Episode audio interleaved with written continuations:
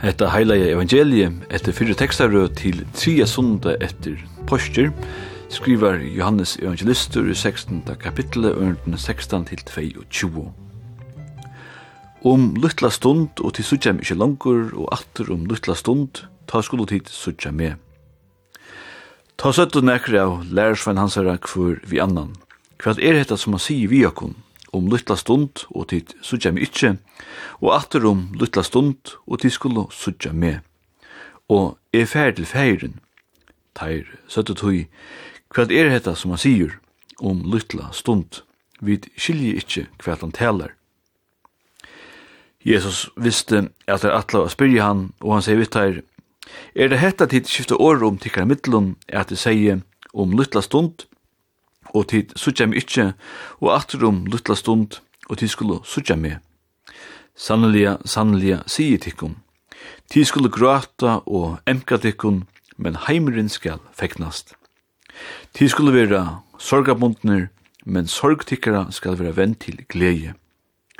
Konan som skal eia baden hever sorg, tog jeg tøymi henne er komin, Men ta i hon hever åt badne, kjemer en ikkje langur neina og ho fyrir gleina om at ein menneska er født i heimen. Eisne tid heva ta no sorg, men eg skal sutja tikkan attur, og ta skal hjertatikara gleast, og ongen skal tekka gleitikkara fra tikkum. Og i prædiketeksten til morgen høyrer vi om endan og bortalene og farveltalene til Jesus i skurisk kvöld, kvöld fyrir han vil tidsin av døvun. Han forteller lærersveinen hva for henta, men det sitter bare som kanus og skilje ikke av de heila. Og det er ganske ikke så løye, tog jeg tar få av vita at jeg skulle sutja, og ikke sutja, og sutja atur. Sorg og glede vil ha valgt saman, og at endan skulle sjutja han sikra, og hetta verur samanbore vi en kvinno som eier et baden og i pyno, men som eisne frøyest ta frøyngen er liu. Det er kanskje ikke så lagt til som mannfolkun å sette seg inn i virskiftene til en badnakono, og tar tølv lærersvannene skilje hette ikkje, tog det fælt ikkje at talan er om nærvero, fravero og nutja nærvero. At hette maten god virkar og tøy og rume anlit til anlits vi lujinsna og hennara vandamal djeva tar upp.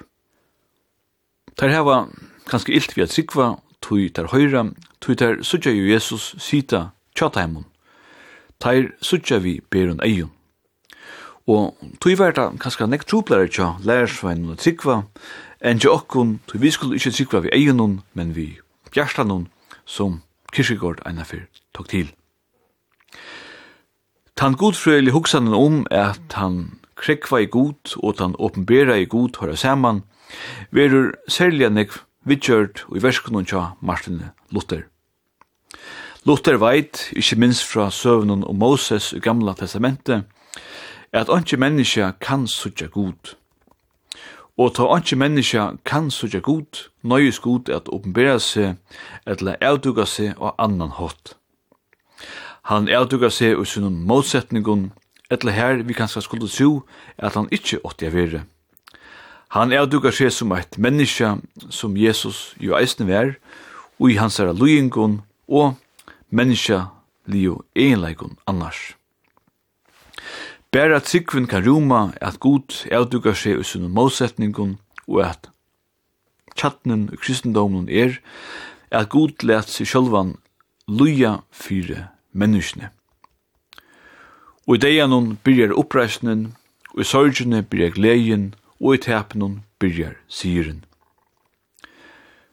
Tankane tja Luther om ein krekkvegan god hever eisen samband vi til Rache og i kalleist skåla stikkeren og i råve fram under er at det skulle være et samband etla framhald mittlen sannrøyndenar tja en menneska og oppenbering og at godfrøyen tog skulle byrja i heimspesjene. Luther øttaist at om vi bæra sett og god og heimspeiselige basar, så enda i alt prat om god og i åren, som at god er allvidande, allmåttor, og at god er hetta, etla god er hatta. Hetta vildi føra vissar endaless tjekk som kunde vera mykje verst men som ikkje rakk malen og i vær at Guds oppenbering eller Guds avduging er seg sjolvun, berre kan drøkkast i trunne og ikkje ui spekulasjonen. Tja, Luther endar heimspekin ui lujingsne, men godfrøyen varveitir vånen om at lujing og deie ikkje få til sørsta året. Etta sagt av annan hatt, så innebär det att vara människa, att vi tjökten löve, bäg kunde uppleva länka frugadier og påska måttnar. Gleie og harmor til reika og fella som kinko gamle kvea. Men mittlen sorgina og gleina er stort tui. Og i griska upprunna teksten tja Johannese, som er prætika tekstur til morgen, stender året mikron vi merker okkur som er mikro, okkur som er lyte. Så stått i middelen sørgene og gleina, og det var hesa vånene Jesus rønti a fortelja taim og spyrjante lærersveinen om skuris kvöld. At etter lenga frugja kom påska morgun. Vid enda kvöld vi salmenon her vil ties, her vil bies, som brorsson yrti i 1655, Vi støy i øren kapitlet i Håsangenon i Gamla Testamentet. AP Berggren gjør det leie. Janus Djurus føreska i så vel, tålen boia, trångte luja, trångte luja vi dæpre lund, koma ska fruia, umbørst vi boia, umbørst vi boia, sommarstens stund. Vi høyra tå opprunna yskingsna sunkne kvöld av Holmens kantori, Opptøkene var gjørt i Holmens kyrke og i Kjeppanhavn i Arnon 2012. Jakob Lom Brensen hever Urko fylgje spjallet. Gåan, sånn det. Thank